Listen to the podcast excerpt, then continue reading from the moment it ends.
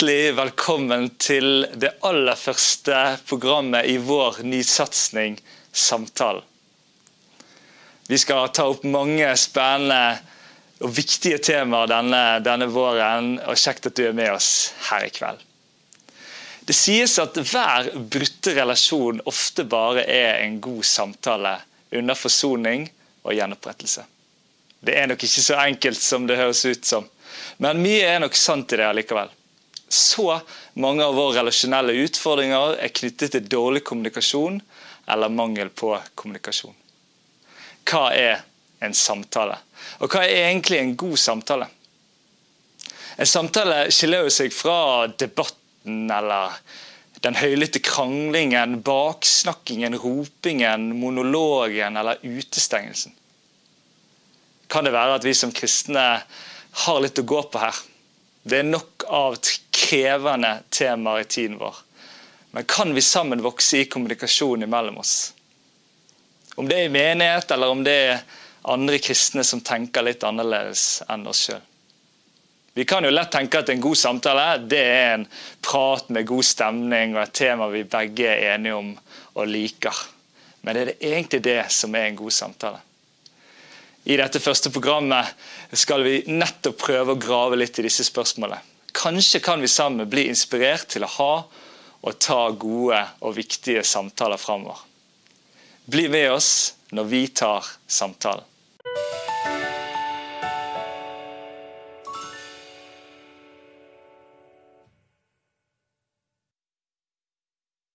André, og jeg er en av fire programledere det i dette nye programmet Samtalen. Og Nå sitter jeg her med Tone, som er en av de andre programlederne.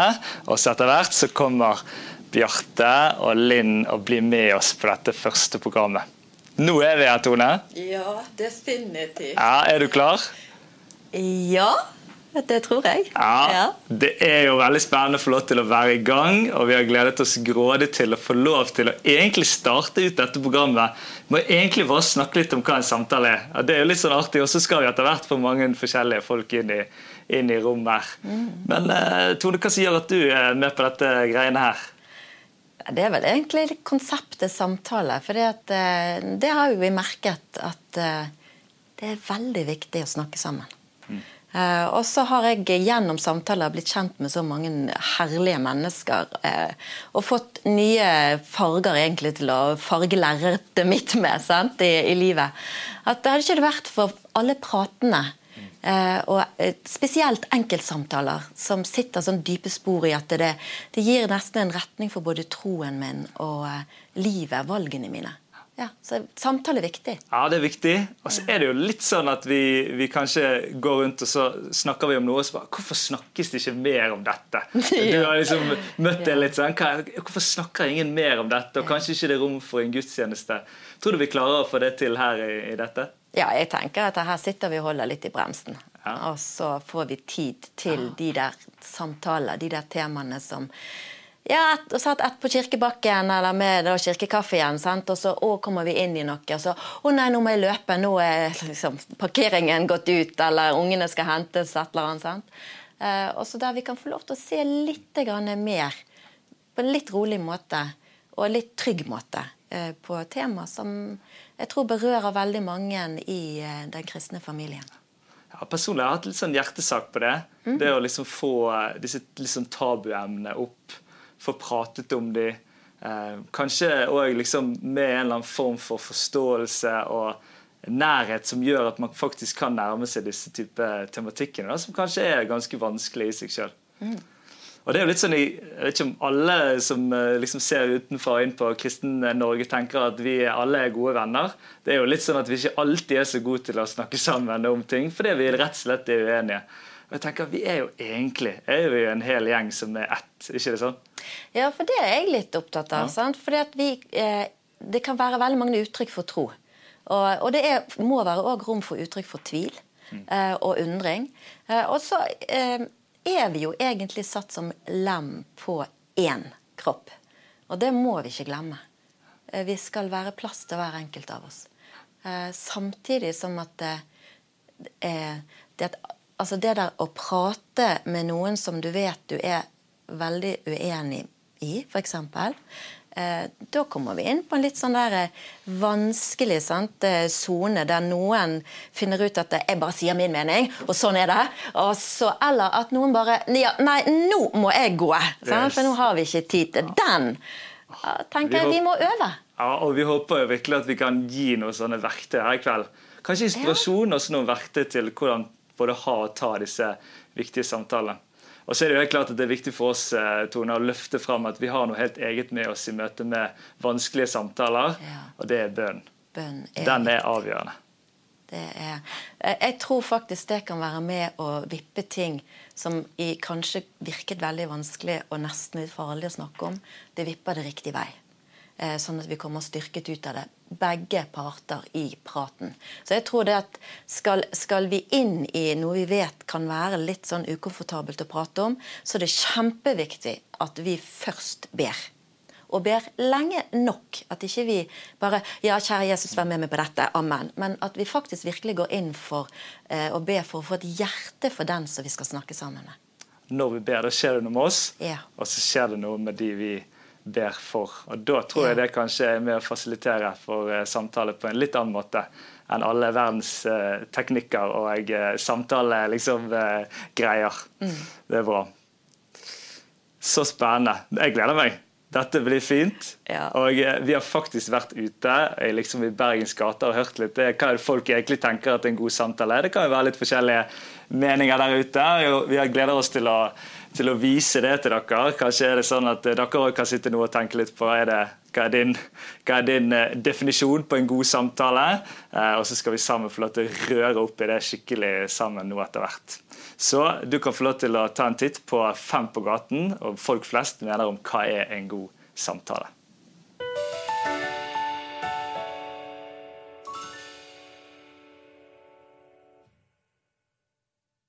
En god samtale det er kanskje det å prate med noen du ikke har pratet med på lenge.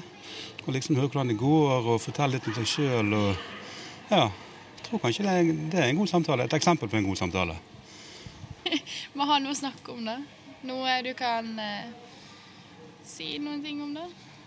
Hva tenker du? Det høres bra ut. God samtale er eh, en samtale der man, eh, som man har Gjerne med en eller to man, eh, hvor man vet at man snakker ærlig og fint med hverandre og har en god, lun humor. Det er en god samtale for meg. En god samtale er når to parter er enige om at her skal vi ha en god samtale, og at man er ærlig overfor hverandre. Det er en god samtale. En god samtale? Nei, da må det være noe sånt som eh, hvis det er mellom to personer, så må det kunne ja, foregår. si. Begge må hjelpe til med at det skal fortsette. Det må ikke være sånn awkward eh, stille. Nå er det akkurat jeg som snakker, så det, det har ikke noe å si akkurat der og da om eh, ja, du ikke sier noe, da, siden du hører på hva jeg sier. Og så blir det omvendt når du sier noe. Så hvis du klarer å fortsette sånn, da blir det bra.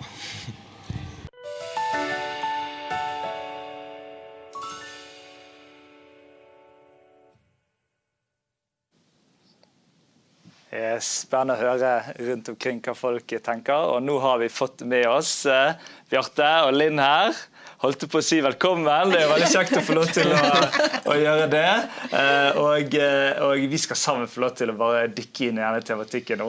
Eh, og jeg tenker Det var gøy å høre litt først om, eh, om Nå har vi hørt litt hva folk tenker, men hva er liksom rammen, og hva er den gode, gode samtalen for, eh, for dere? Ja, jeg har tenkt mye på ett ord, André. Tillit. Tillit. Det er et ord som staves likt begge veier. Og det sier noe for meg om eh, at eh, hvis vi skal ha en god samtale, så trenger jeg å ha tillit til at du vil meg vel. Og du trenger å ha tillit til at jeg vil deg vel, og at jeg vil forstå deg i beste mening. Så det syns jeg er en god samtale.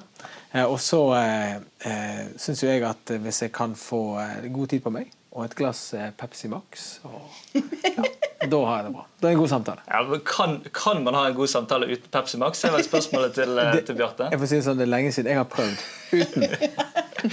ja, Dulling, hva er liksom rammen? Er det på fjellet, eller er det på kafeen, eller er det i bil, eller? det er på kafeen. Ja. eller sofakroken under et teppe med et kopp te. Eller kakao, kanskje. Da, eh, da, et sted der man kan kjenne at man er trygg nok til å åpne litt opp. da, sant? Og, og kjenne at det, her, kan, her kan jeg ha tillit, sånn som du sier, eh, til de som jeg snakker med, og eh, jeg kan fortelle litt. Eh, eller at man lager den stemningen og, og gir rom til et annet menneske som kan by litt på seg sjøl. Gøy. Tone, hva er den perfekte liksom, eh, fasiliteringen eller plassen for den gode samtalen? Altså, Jeg er jo fornøyd med alle mulige typer samtaler. Jeg bare gidder å høre litt på meg. Så, Så er jo jeg der. Ja, ja, men det er fint. Ja, og så har jeg lært meg med tiden at det er veldig viktig å lytte til hva andre sier òg. Ja. Ja, Det er jo som oftest liksom litt bra for en samtale. Eh, vi var inne på monolog her i starten. Det kan jo skje noen ganger. Eh, men det er bra. Samtidig så vet jo vi med alle vanskelige temaer, alt som er av, av ting som, som trengs å snakkes om, at dette er kompliserte greier. Her er ikke det enkelt, og her er det også utrolig lett å trå feil. Uh, og jeg tenker Vi skal begynne litt der. Hva er liksom utfordringene for, uh, for den gode samtalen? Hva er det som, som er med å gjøre at det kan bli vanskelig, eller med å sette noen sånne kjepper i hjulet? rett og slett for å liksom, Dette får vi ikke helt til. Jeg tenkte å begynne et sted, der, som, som, som pastor da, så har jeg eh, snakket med veldig mange forskjellige mennesker om veldig mange forskjellige temaer. Og det jeg merker det er at det veldig fort kan oppstå noe som heter misforståelser. Jeg vet ikke om dere kjenner til det konseptet. Eh, Det er et velkjent konsept for mange av oss, tror jeg. Men eh, har dere noen liksom, historier på dette med misforståelser? Det, bare, det gikk rett og slett ikke helt, helt til som det skulle. Jeg har, jeg har mange på lager, så, så jeg kan jeg kan ta det. Ja, jeg vil jo si at eh, hvis du kommer opp eh, Jeg snakket om det med tillit. Hvis du kommer opp i situasjoner der det er eh, vanskelig å stole på den andre, da tar du gjerne det den andre sier, i verste mening. Jeg har vært gjennom, eh, som alle vet, en, en konfliktsituasjon, og da kommer du opp i, i ting der det du egentlig mente som noe annet, det blir tatt opp i verste mening, og så eh, istedenfor å snakke til meg, eller eh, så snakker man om meg, og, og jeg gjør det samme. Og da blir det veldig problemer. Og det er typisk, eh, typisk oss mennesker. Eh, og da misforstår vi hverandre. Av og til med vilje. Eh, og det Der trenger vi alle å gå oss sjøl.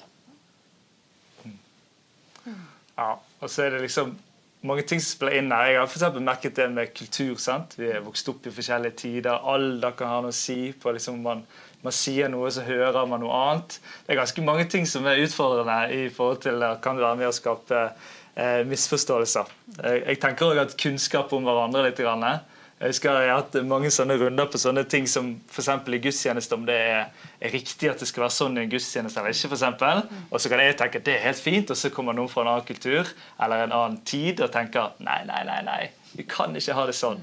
Og da blir det fort litt vanskelig. Ja, men så det der òg med de, de der skjulte agendaene. Den syns jeg er litt sånn eh, viktig å ta, å. For du kan innlede en samtale med en person som ja, tar kontakt med deg. sant? Og begynner ja, 'Hvordan går det? Har du det bra? Hvordan er været der du er nå?' Da? Skikkelig sånn.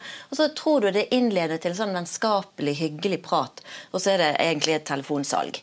Altså, sant, Den samtalen der, så lander bare det 'Å ja, ja'. Men det var ikke akkurat det jeg trengte. Jeg trengte faktisk en som, vi, som ikke var ute etter noe. Eh, som ikke hadde en skjult agenda. Eller disse som prøver å skal overbevise meg om sitt syn på et eller annet. Sant? Det merket er best, eller den meningen, det er det som er den rette meningen. Ikke sant? Og så bare legge opp hele veien samtalen til at den skal prøve å få meg inn under den paraplyen som den har lyst til å stå under. Sant? Eh, Og da, liksom, da sitter du igjen med en sånn, litt sånn skuffet følelse av at å ja, du var faktisk ikke egentlig interessert i meg og mitt utgangspunkt for denne praten, men du var mest interessert i ditt eget. sant? Og, og der, der tror jeg vi kan eh, være litt sånn eh, Tenke litt etter. sant? Vi har gjerne, mange av oss, gode meninger og vil gjerne formidle. Eh, men blir det oppfattet på den måten? Altså, har vi noen føringer sant, i praten vår som er Vi kan jo alle kjenne oss igjen i den der eh, at jeg egentlig bare sitter og tenker på hva jeg skal si Ja, neste i Mm. samtalen. Og så blir det ikke denne her eh, lyttingen eller denne her eh, måten å faktisk ville prøve å forstå. Mm. Leste en bok av Magnus Malm her tidligere i år. Og det å bruke at, vi Tenk om vi alle hadde brukt mer tid på å, å forstå enn å bli forstått. Det tror jeg kunne at med og gjort eh, mange samtaler bedre. Helt sant. Og jeg tenker også på alle de gangene man møter et menneske på gaten, eh, og så sier man eh, 'Hvordan går det?' Eller 'Har du det bra?' Og så har vi ikke tid eller rom til faktisk å lytte på svaret. Vi bare forventer at et svar som er 'Ja, det går fint', og så fortsetter man bare. Um, men eh, det å, å stoppe opp ved faktisk å mene det man sier når man åpner en sånn samtale, og si 'hvordan går det med deg'? Eh, og så får man et kort svar. 'Hvordan går det egentlig med deg?' Men det å følge det opp, det tror jeg gjør at, eh, at man kan komme, bringe samtalen til et dypere sted. Jeg reiser mye til Amerika, og der er jo dette her veldig utbredt. How you doing? Hvordan går det med deg, spør de. Men de forventer egentlig ikke noe svar. Det er egentlig bare en høflighet. Egentlig skal du like gjerne bare svare tilbake det samme. Så ingen svarer på spørsmålet. For det er egentlig bare en høflighet. Så det var en kulturreise for meg da jeg begynte å dra til Amerika. Jeg følte jo at som nordmann og sånt, jeg må svare. Det var jo et høflig spørsmål, og vedkommende er jo interessert. Så gikk det noen år før jeg skjønte at uh, dette er egentlig bare en måte å si hei på uh, i Amerika. da. Men, eh, men helt klart, vi har det samme problemet eh, i Norge. At vi Ja, hva skal man si når man treffer noen? Eh, og, og ja, jeg snakket med et menneske forleden dag som eh, tydeligvis eh, ikke gikk det så bra. Eh, og det svarte vedkommende til meg, og da, det var jeg ikke forberedt på. For for meg var det bare en høflig måte å innlede en samtale på. Kanskje vi må gjøre sånn som i Kristiansand. Da møter de hverandre, så sier de 'ja vel', og så sier de hverandre 'ja vel'. det er en måte å gjøre det på. ja. Ja. Det er jo prøver å si at samtalen liksom skiller seg litt ut fra andre fora. Når vi nå skal liksom inn og prøve å snakke om litt vanskelige temaer og liksom prøve å ja, kanskje gå litt foran på at det går an å ha en samtale om vanskelige temaer, så er det jo kanskje det at man må prøve å eh, i hvert fall utfordre spørsmålet kan man vinne en samtale, egentlig. Sant? Der vi er litt vant til at når det blir litt uh, vanskelige tematikker, så har vi lyst til å, å argumentere eller debattere. Eh, og Hvordan utfordrer det dere liksom, i, i møte med en samtale der vi, vi får jo litt lyst til å vinne litt terreng eller, eller få fram hva jeg er. men det å kanskje tenke at samtalen ikke er, er det. Ja, fordi at Hvis det er en sånn samtale der du nesten føler at du skal inn og forsvare noe, eller du begynner i en sånn posisjon av noe, da er det jo ingen samtale. Det er jo gått over til en diskusjon. Og kanskje det blir en krangel til slutt. sant? Eh, Sånn at Hvis vi skal bevare samtalen, så tror jeg vi må være veldig bevisst på at nå hører jeg hva du sier. Og så prøver jeg å forstå det, og hvis ikke jeg skjønner det, da stiller jeg et oppfølgende spørsmål til deg. Sant? For at du skal vite sikkert at jeg er interessert i å virkelig vite det sånn som du mener det. Og da tror jeg at vi får en sånn samtale der Da kan du si ting til meg som jeg bare Å, guri, mener du det? Ja, men hva da? På hva måte? Hva har fått deg der? Sant? Og så kan jeg faktisk gå ut som en vinner uten argumenter. Og den som Altså du, da, i tilfelle. Du òg. Du er like mye vinner. At det, det, det var ikke en, en stillingskrig på noen måte. sant? Det var en undring og en, en jakt etter å finne de der skattene som, som du har da opparbeidet deg. sant? Og så kan jeg få del i de. Jeg tror det må være en god samtale. Jeg, jeg kjenner for min egen del at uh, her kommer alderen oss til hjelp. Altså, jo eldre man blir, jo mindre opptatt blir man av å vinne alle diskusjoner. Altså, du lærer litt om livet. Sant? At livet er kanskje ikke så enkelt. Og, og at kanskje trodde du veldig sterkt på noe når du var ung, og så lærte livet deg at ja, ja, det er kanskje flere sider ved den saken. Så blir man rett og slett litt ydmyk, og så kan man lytte til hva andre har å fortelle. Eh, Og så eh, Ja, ja, kanskje du får siste ordet, da. Men eh, så lar vi det bli med det. Og så har jeg mine egne tanker. Og kanskje viser det seg, når jeg får gjort mine egne erfaringer, at kanskje du hadde noe rett likevel. Så det å være litt ydmyk, det tror jeg er en god visdom. Og kanskje noe som kommer med årene. Det bør jo være sånn. Vi bør jo være i utvikling. eh, Og eh, bli eh, litt mer rause med andre. Og ikke være så opptatt av å ha rett og alltid vinne alle diskusjoner. Og så er det prosesser som går hele tiden. sant? I praten. Jeg, vet, jeg tror ikke jeg er den eneste på jorden som etter en prat med noen, uansett hva vi har pratet om, eller, eh, så tenker jeg på det mennesket som jeg har snakket med. Og hvis den har sagt noe som gjorde litt inntrykk på meg, så går jeg og tenker og tenker på praten som vi hadde, ordene som ble sagt, og det som ikke ble sagt. Eh, og så, sant, I og med at eh, vi trekker fram at bønn er viktig òg i en, en, samtale, så er det ofte det at det de jeg har pratet med i løpet av dagen, de nevner jeg innenfor Gud om kvelden.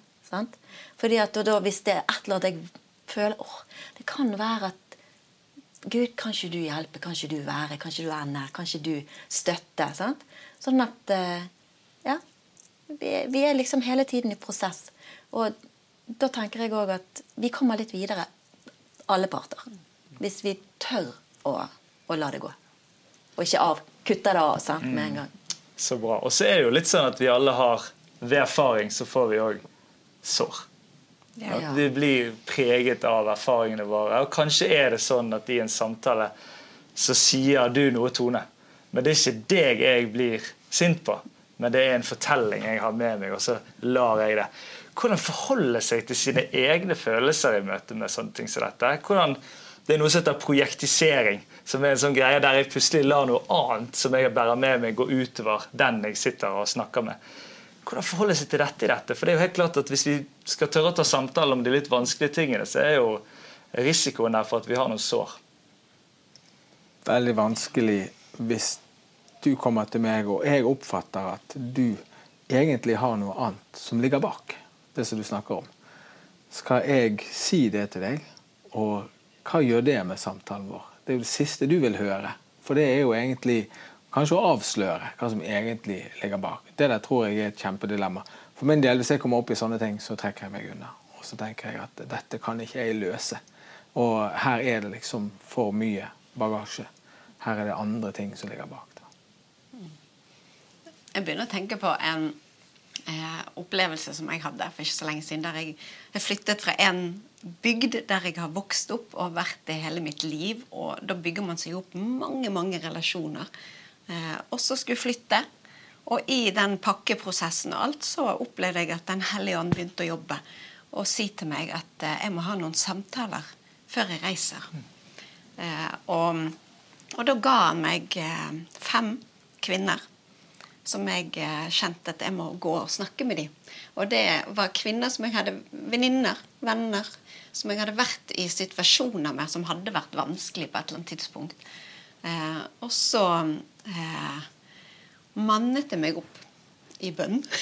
så det er bønn som er, som er drivkraften og, og, grunnen til at sånne ting kan gå bra, tenker jeg da. Um, og så inviterte jeg de hver for seg alle sammen ut på lunsj på kaffe og sånn. Eh, og sa kan jeg få litt tid med deg og prate. Eh, og det var ingen konflikter, ingen pågående konflikter, men det hadde gått taust. Hele relasjonen var bare blitt stille. Eh, og, og, det var tydelig for meg at Den hellige ånd likte ikke det. Herren vil ikke det. Han vil ha, han vil ha ting opp i luften. så da hadde jeg fem sånne samtaler med disse damene og sa at vi har jo vært uenige vi jo, snakket jo om dette, og det gikk jo ikke helt sånn som vi ville. Og eh, hvordan har du det? Og det var det som jeg, som jeg, kjente var målet bak. da, Var å komme til, til det stedet der den personen skulle føle seg sett. Eh, og der, sånn som du sier, Tone, så fikk jeg utvikle en kjærlighet i den, de bønnestundene i forkant til de menneskene jeg måtte gå og ha en samtale med. da. Um, men gå hvor deilig det var etterpå, når man har gjort det.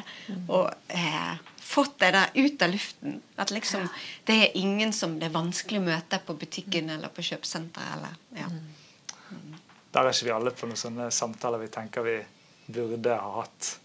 tenker Jeg lar meg inspirere, Linn, av å liksom eh, både lytte til Den hellige ånd. Er det, er det noen, eh, noen han vil jeg skal prate med, og så det å, å faktisk ta de pratene krever litt mot. da. Ja, ja, og det krever at man sånn som du sier, Bjarte, at man trenger ikke å vinne. Og det var, det, Man må gå inn i sånne ting uten å tenke at jeg skal, nå skal jeg overbevise de. Eh, men det blir heller en eh, jeg, jeg, vil ivareta relasjonen. At Jeg vil løfte deg opp, jeg vil heie på deg. Så, men det var jo det var en sånn eh, litt krypete korset-følelse. Men det var en god opplevelse etterpå. veldig. Veldig. Det er sånn typisk sånne veldig viktige ting, syns jeg. At det er sånn uh, forferdelig i forkant. Og så hvis man går på det, så er det en veldig god opplevelse i etterkant. Vi har jo snakket om eh, når vi planla denne samtalen, om vi hadde, liksom, om vi hadde tanker eller historier eller sånt som vi, som vi eh, skulle dele. Og jeg, jeg har, har jo tenkt på noe, men nå kom jeg på en som når du snakket om dette. For jeg måtte faktisk I fjor så måtte jeg rydde opp i en sånn relasjon som var vanskelig.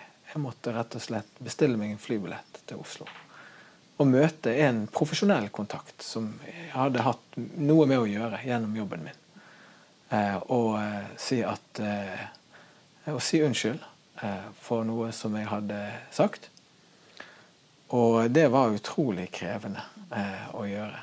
Eh, men, men veldig frigjørende. Og veldig deilig etterpå. Eh, og ja, altså det er jo altså Snakk om samtalesjanger. Be om tilgivelse er jo en sjanger for seg sjøl. Kunne hatt et eget program om det. Det skal vi jo. Ja, det skal vi faktisk. Men, men, eh, men det er jo noe med den motstanden du føler når du skal ta en krevende samtale. Samme som du følte når du kjente at du skulle gjøre dette her. Den er som regel proporsjonalt med den gode følelsen du har etterpå. når det har vært. Og det handler jo litt om Den hellige ånd. Eh, At, du, at han vet hva du trenger, han vet hvem du trenger å snakke med. Sånn som veldig konkret i ditt tilfelle fem navn. eh, Og i mitt tilfelle eh, jeg hadde noe jeg måtte snakke ut om. da. Vi snakket om trygghet her i starten. og Jeg opplever på en måte at nærhet er litt viktig. sant? At Hvis vi, hvis vi plutselig blir stående på avstand og rope, eller det er en avstand allerede når vi prøver å inn, i Du snakker litt om det, sant? Jeg måtte komme nært igjen. Det tenker jeg er faktisk utrolig viktig for en god samtale. At man, eh, at man eh, med med avstand Og avstand kan også gjøre at vi sier ting vi egentlig ikke ville sagt hvis vi var litt nært på. Eh, At vi distanserer oss, rett og slett. Så det er jo litt tøffere da, med å, å, å tørre å være litt nær på når det blir vanskelig, og de vanskelige tematikkene. Eller viktige. Ikke alltid det trenger å være vanskelig, men det er viktig. At man faktisk må, må prate om det og gå inn i det. Ja, og Så går det an å lande det hele med at vi er uenige. Vi så forskjellige på det som skjedde. Og det er greit. Nå har vi snakket om det, og så har vi alle plassert det. Og så er det liksom ikke noe imellom der lenger, på en måte. Det Det var det som var min erfaring. For vedkommende som jeg trengte å snakke med, var jo en som jeg hadde vært uenig med, og som jeg fortsatt er uenig med om enkelte ting. Og så var ikke det det vi snakket om. Det var ikke det samtalen handlet om, at vi skulle bli enige. Men det handlet om at det var noe uoppgjort. Eh, og det var for, vedkommende hadde ikke tenkt på det. Og sånn er det jo av og til. Men, men for meg ble det vondt at jeg hadde gjort noe. Så jeg måtte ordne opp i det. Eh, og så handlet det ikke om enighet eller uenighet, men det handlet om relasjon.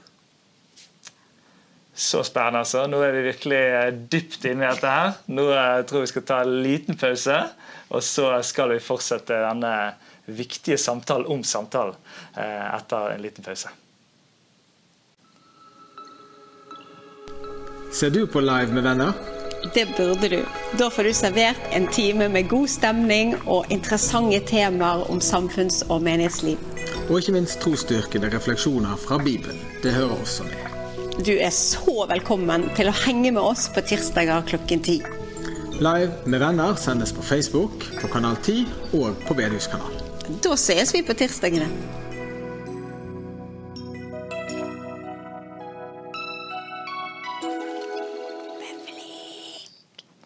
Nå har vi jo virkelig gravd i eh, utfordringene ved den gode samtalen, og hva som kan stå i veien. La oss bevege oss litt mer mot det som handler om liksom, hva er det faktisk den gode samtalen er. Hva er det den er preget av? Hva er det som liksom må være der for at den oppstår i, i et rom? Og vi har jo selvfølgelig vært litt inne på det allerede.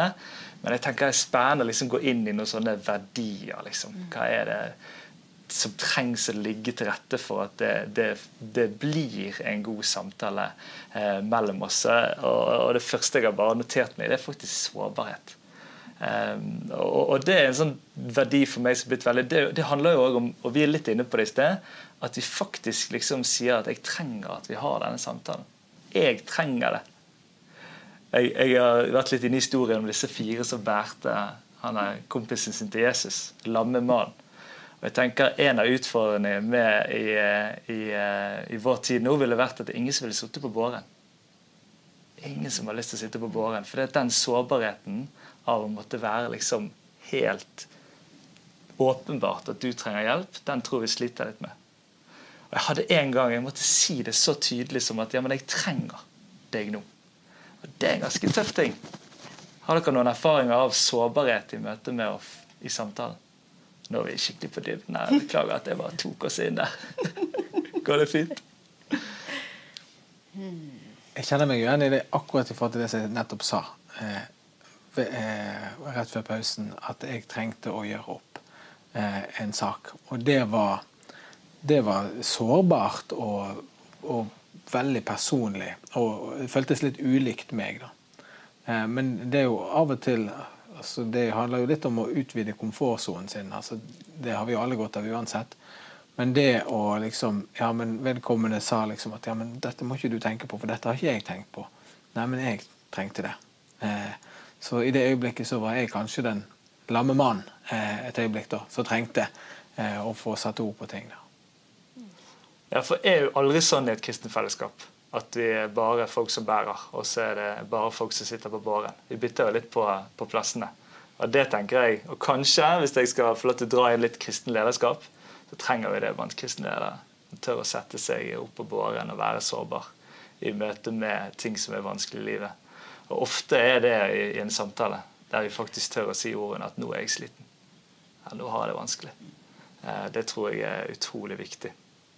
Men har vi egentlig blitt bedre på det her i vår generasjon enn man var for lenge siden. Altså jeg, jeg, tror jo egentlig det å være litt åpen om vanskelige ting, det er vi bedre på nå enn man var for 50 år siden. Hva sier dere? Ikke det at noen av dere var der da, men Nei, men jeg, jeg, bare tenker på altså, Det er blitt eh, sant, mye mer eh, på eh, talkshow, sant? der det har vært med Nå skal vi ta opp Du har eh, vært i en livskrise. Nå skal vi snakke om dette. Sant? Det, det vet vi jo fra forskjellige kanaler. Eh, både norske og internasjonale. Og at det er blitt mer inn å kunne prate om sånn psykisk helse, f.eks.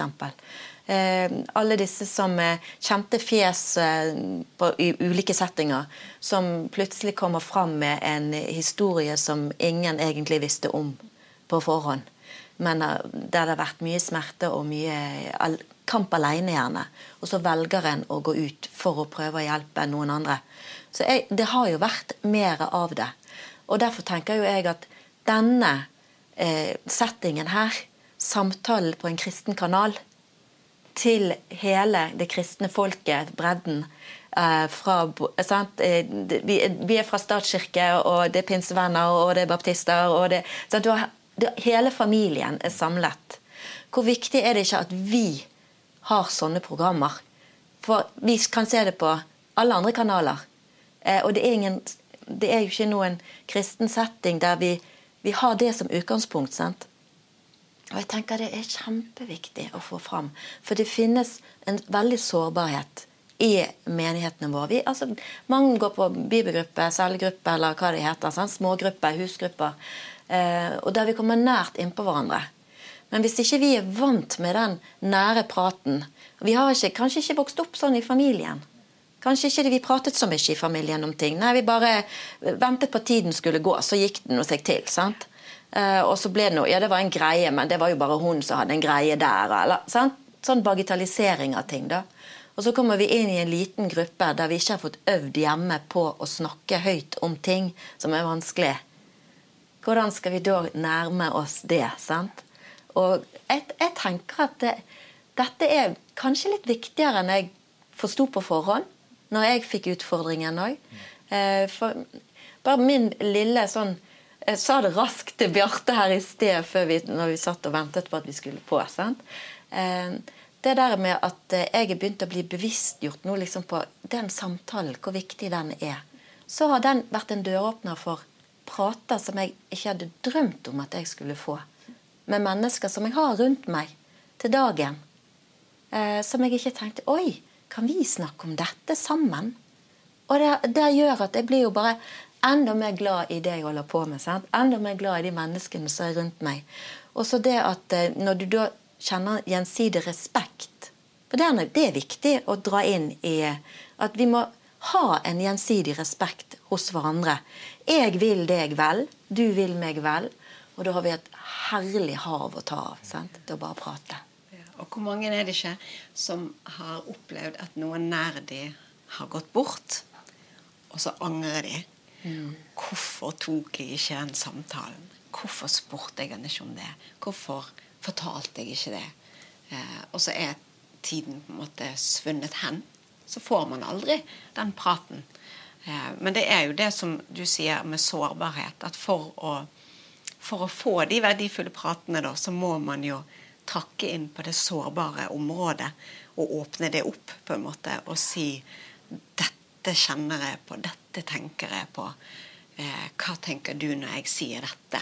Ja. Og så, og så ja, og det kan være episoder som har skjedd, som man trenger å rydde opp i. Sant? Som er mye bedre å, å, lufte da, enn å bare begrave og dytte under teppet.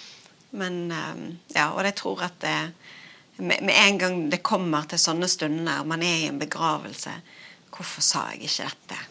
Hvorfor, hadde, hvorfor fortalte jeg ikke hvor glad jeg var i de? Sant? Det er den klassiske. sant?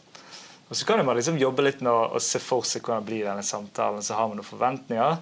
Men så er det litt sånn som du sier, Tone, det er ikke alle vi som er vant til det der. Og på en måte, vi trenger å få lov til å, å trene oss litt. og Kanskje må vi være litt sånn rause med hverandre i det der samtalerommet. sant? At ikke vi, både at ikke vi har for høye forventninger til at det skal bli som på film. sant? Alt blir perfekt og så skjønt det.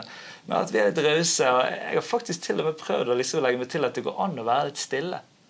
Der liksom en leter litt etter ordene, eller prøver å finne liksom ut av hva er dette egentlig gjør med meg, eller, eller skjer, hva skjer med meg nå. For jeg kan jo merke at i vårt tempo i verden så får jeg lyst til å bare si noe hele tiden. Fordi at man kan bli litt sånn at ja, men, det må liksom holde, men det der går det an å ha litt eh, pauser? Går det an å ha litt rom for stillhet i en samtale? Blir det kleint og rart? Og... Men Det er jo et kjempepedagogisk verktøy. Ja. Eh, Nå I min eh, lærerutdanning så jeg tok mentoring og veiledningsstudiet i tillegg. Eh, og Der var det veldig viktig at du som veileder altså, Og det er jo samtalepart. sant? Du skulle gi den du veiledet, eller den du hadde samtale med, tid til å tenke. Fordi at det er så mye prosesser som skjer i en samtale. Og hvis du stiller et spørsmål, så skal ikke du sjøl begynne å svare på det. Du skal ikke begynne å legge opp til veldig mange retninger for hvordan den kan begynne å svare. sant? Du skal bare vente på at det er den som du har spurt, som skal få lov å eie svaret. Uh, og, og der tror jeg eh, det er veldig viktig. Og Jeg har mange ganger måttet bruke den der lille pedagogiske taktikken på å telle på tid på fingrene. For å ikke være der og, svare for elevene mine, f.eks. på jobben. Eller fordi du har så mye du Jeg vil jo videre. Jeg skal nå alle disse tingene her, og så klokken går. Men det å, å ta tid, gi tid, og lytte, altså bare vente litt. Det er et mektig redskap. I Bibelen så står det 'vær snar til å lytte, sen til å tale', og sen til vrede. Det siste tror jeg alle forstår. Men ofte er det jo motsatt. Vi er veldig snare til å tale, og sene til å lytte. Og det som du sier, i stillheten så kan det skje veldig mye. Men hvis man ikke tar seg tid til å lytte, så får man jo heller ikke tid til de øyeblikkene der det kan gå et lys opp, eller ting kan falle litt på plass på innsiden, og så kan det bli forløsende. Så det der tror jeg på. Ja. Det er litt den der eh, tempoet i verden vår legger ikke helt opp til disse lommene her. Og, jeg, leste en, eh, jeg leste en bok i jul som heter 'Kakofon', som er en sånn skikkelig eh, kritisk greie i forhold til en smarttelefonen som har kommet inn i livene til de fleste av oss. Eh, og den er sånn at det faktisk bare at den ligger på bordet i en samtale, avslått til og med, senker kvaliteten på samtalen. Fordi at det blir en sånn go-to sant? Eh, I, i en samtale. Det blir en sånn fluktgreie når det blir liksom litt sånn Så der jeg, jeg har begynt å prøve å legge den telefonen litt andre steder. Bare for å på en måte ta på eh, alvor det at eh, ja, men vi skal ikke videre ennå. Her er vi nå. For det tror jeg vi, det, det moderne mennesket i 2023 sliter ganske mye med. altså. Han er fort på vei videre et eller annet sted. Jeg har prøvd å legge den telefonen på. Jeg har ikke fått det til. Nei, du har litt øvelse i Liberte, men det, det går bra. Det må vi alle øve litt. Grann. Ja, men bare, ikke bare telefonen. Altså, jeg fikk faktisk en kommentar som jeg har husket siden den gangen. Eh, var, vi hadde en sånn kollega eh, jeg vet ikke om veiledning eller noe sånt. sant? Og da fikk jeg beskjed om det. Tone, jeg føler alltid at du er interessert i når jeg kommer inn eh, på kontoret og skal snakke med deg. Så jeg føler jeg alltid er interessert, fordi du snur stolen i min retning når jeg kommer. Sant? Det er liksom det med å legge fra seg telefonen når jeg kommer, eksempel. Men det å være og gi en full oppmerksomhet til den som vil snakke med deg. For du vet jo ikke hva som kommer. Du vet jo ikke om den vil ha nesten sjelesorg sant? fordi at det skar seg så veldig med, med noe. Sant? For eksempel da, i min hverdag på skolen. Sant? Der den bare måtte få lov til å si noe. Du har ikke peiling alltid. Og det der med å gi den der genuine oppmerksomheten og legge vekk mobil, komme på besøk og Nei, jeg har ikke mobil, den ligger i lommen, f.eks. Jeg tror det er en litt sånn kjærlighetserklæring jeg, til eh, de som vi skal faktisk ha en prat med når vi er på det besøket. Full oppmerksomhet. Ja. Det trenger vi å trenes litt på. Ja. Ja, og så er det så ofte at det, samtaler da, på telefon går feil. Sant? Eh, og min mann han fortalte meg hvordan han hadde skrevet en tekstmelding, og som en feiltagelse så hadde han kommet borti store bokstaver.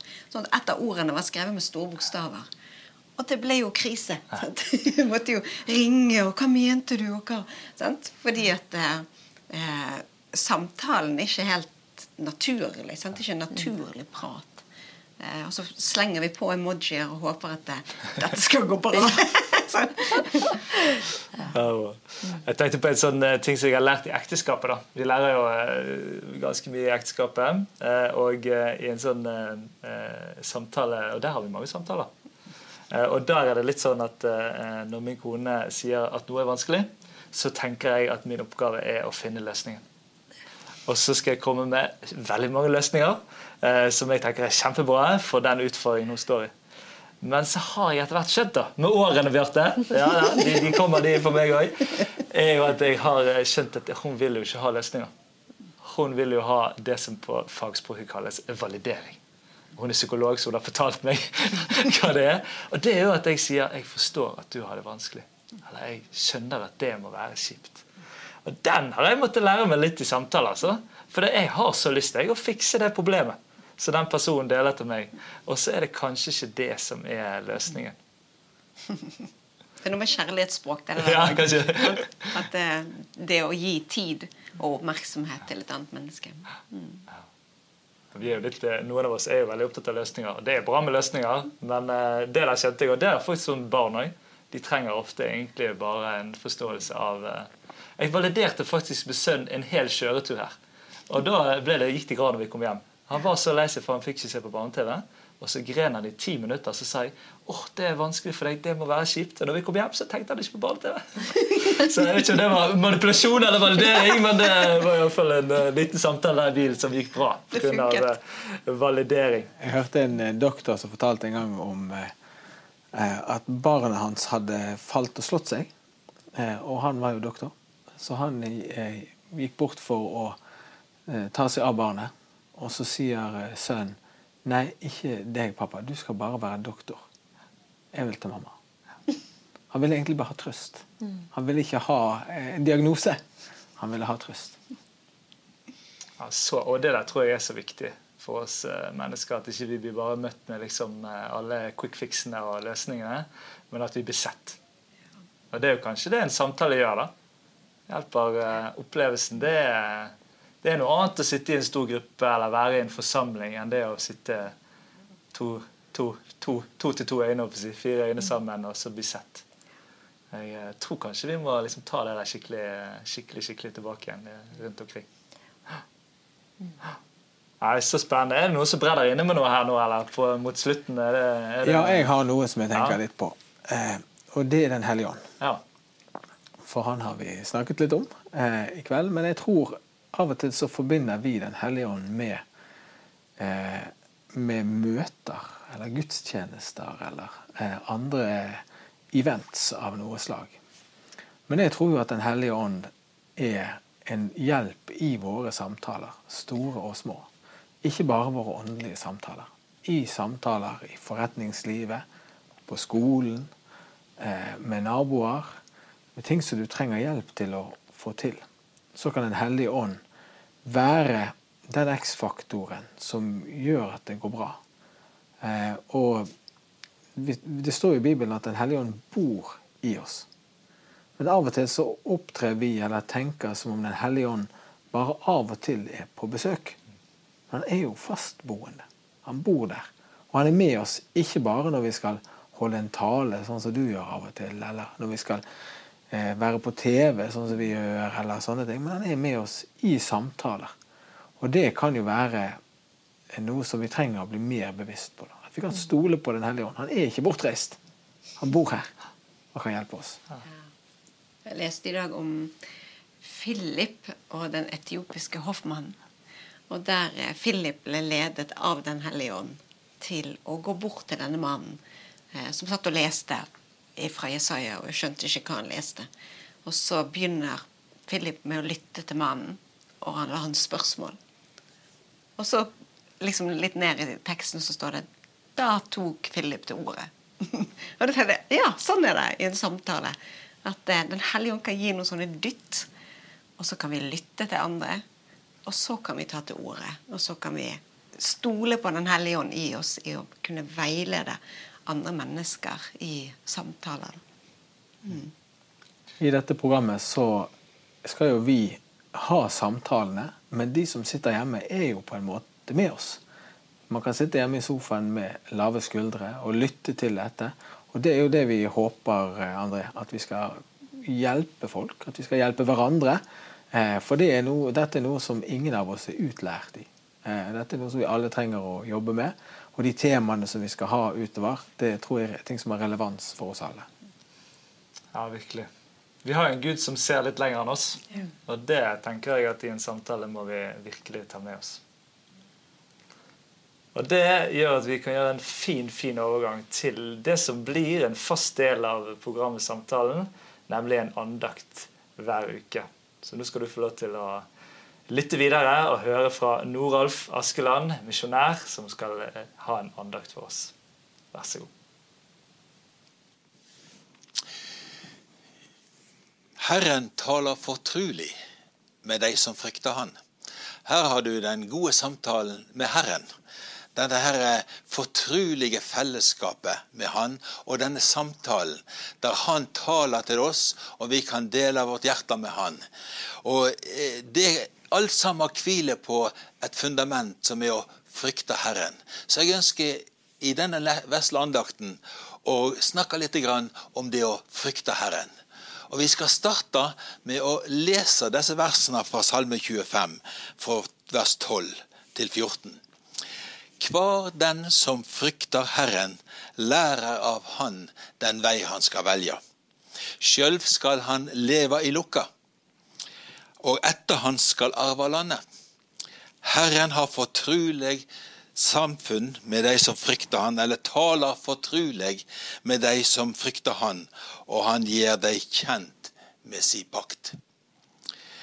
Her er det en fantastisk eh, tilnærming til det å snakke med Gud og det å snakke med hverandre. Grunnelementet er det å frykte Herren. Og eh, Nå sier Paulus at Guds frykt er ganglig til alt, både for dette livet og for det livet som kommer. Nå er det sånn at eh, Hvis det er noe som er ganglig for alt, så må det være fantastisk verdifullt. Og Jeg ønsker at vi skal se litt på dette med å frykte Herren. For det er et element som veldig mange ikke helt er fortrolig med. De, de opplever at ordet frykt har negativ, eh, et negativt innhold. Men nå er det sånn, sier Bibelen, at vi må lære ord fra Den hellige ånd. Bibelen sier på denne måten her Vi taler med ord som Ånden har lært oss, ikke med ord som menneskelig visdom har lært oss. Og det aller viktigste for oss er at vi lærer ord fra Den hellige ånd. Og Hvis du lærer ordet frykt fra Den hellige ånd, så vil du finne at det er et vidunderlig ord. Det er et ord som bringer lukka. Det er et ord som bringer velsignelse. Det er et ord som gjør oss trygge. For når du frykter Herren, så trenger du ikke frykte noe annet. Det er akkurat sånn som med jordmødrene som hjalp israelittene i Egypten. De hadde fått beskjed fra farao å drepe alle guttebarn som ble født. Mens de frykta Gud, disse to jordmødrene. Og pga. frykten deres for Gud, så gjorde de ikke det kongen befalte. De var ikke redd for farao, for de frykta Gud mer enn farao. Og sånn er det i alle ting i livet. Hvis du lærer å frykte Gud, så er det mange andre ting du ikke vil frykte.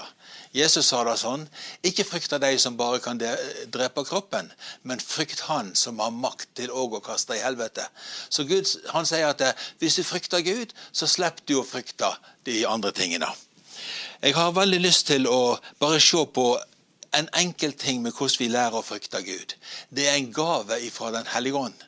Den hellige ånd i Jesaja kapittel 11, vers 2 og 3, så er han beskrevet som eh, den, med den salvelsen som var over Jesus. Og her har du den sjufoldige eh, uttrykket av Den hellige ånd. Herrens ånd, det er nummer én, skal hvile over Jesus. En ånd med visdom og forstand. En ånd med råd og styrke. En ånd som gir kunnskap og frykt for Herren. Han skal ha sin glede i frykten for Herren. Så Herre Jesus, Den hellige ånd hviler over han, den ånd som gir frykt for Herren. Og Den hellige ånd vil gjøre det samme for meg og det samme for deg. Og så må vi lære dette å ha vår glede i frykt for Herren. Og at vi kan lære sånn som Guds ord sier, at vi kan be Herre, gi meg et udelt hjerte, så jeg kan frykte ditt navn. Da vil ikke jeg frykte alle andre ting.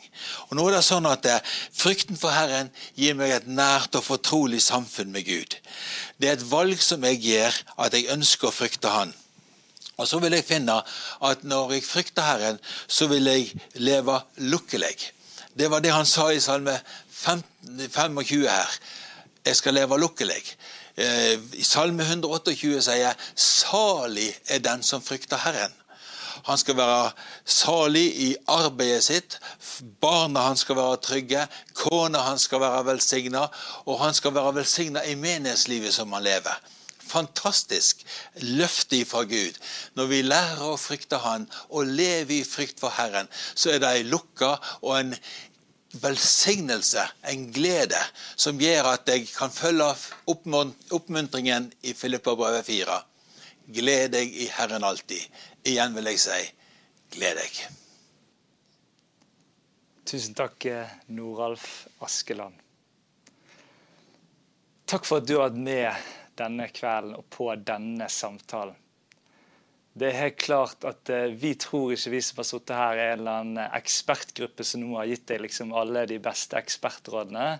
Men det jeg opplever er at vi har et sterkt felleshjerte om å være med og legge til rette for viktige samtaler om viktige og vanskelige temaer.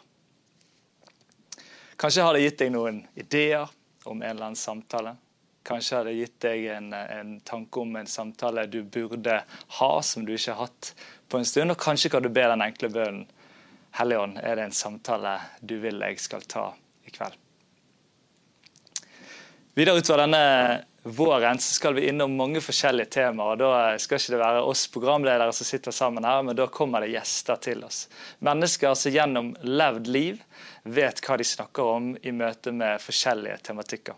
Vi skal snakke om det å møte veggen, utbrenthet. Vi skal snakke om eh, det å være på gudstjeneste sammen. Hvordan skal en gudstjeneste være? Hva har vi tid til egentlig? Vi skal snakke om dette med tilgivelse, så vi røpte at blir et eget program. Hvor viktig det er, og hvor mye det gjør med oss om vi tilgir eller ikke tilgir. Så skal vi snakke om det vanskelige når sykdom rammer. Når sykdom rammer, og når helbredelse skjer, og når helbredelse ikke skjer politikk, alle disse tingene. Vi skal møte så mange forskjellige ting. og Neste uke skal vi allerede liksom bare hoppe rett i det med dette med å gi troen videre til neste generasjon. Alle har vi dette hjertet om å gi det videre, om vi har barn eller andre generasjoner vi, i, i, familie eller rundt oss. Eh, Bjarte skal lede oss inn i det. Jeg tror det blir en veldig viktig og god samtale. Så jeg håper denne kvelden har inspirert deg både til å ha samtaler og til å følge oss på denne reisen videre, som jeg tror kan bli viktig for oss, og kanskje for så mange andre der ute. Jeg tror på samtalen. Jeg tror at samtalen er viktig. Jeg tror at vi trenger den, og jeg tror at vi kan være med og legge litt til rette for det denne våren gjennom dette programmet Samtalen. Så da er det min glede å si takk for nå og ses neste uke.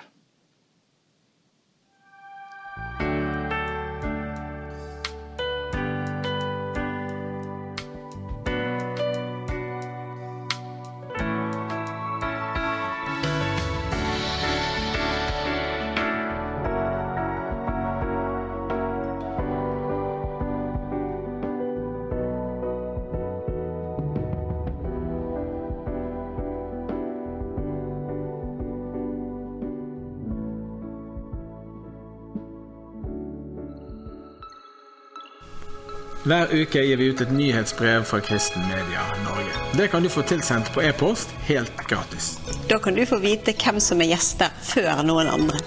Der får du se videoer, kommentarer, andakter og annet innhold fra oss. Gå inn på nettsiden kristenmedia.no og registrer deg, så får du nyhetsbrev fra oss hver uke.